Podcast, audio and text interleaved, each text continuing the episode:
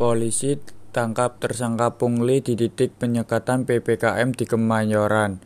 Viral di media sosial, sekelompok remaja melakukan buka tutup di penyekatan dengan bayaran di daerah Kemayoran, Jakarta Pusat. Kelompok remaja tersebut akan membuka penyekatan dan membolehkan kendaraan melintas dengan syarat memberikan sejumlah uang alias praktek pungli.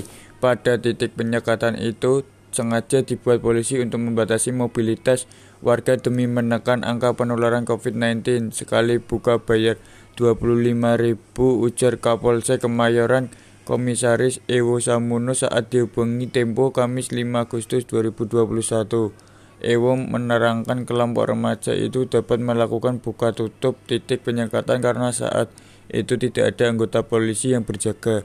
Mereka akan menolak membuka penyekatan jika masyarakat yang melintas tidak menyerahkan uang layaknya praktek pungli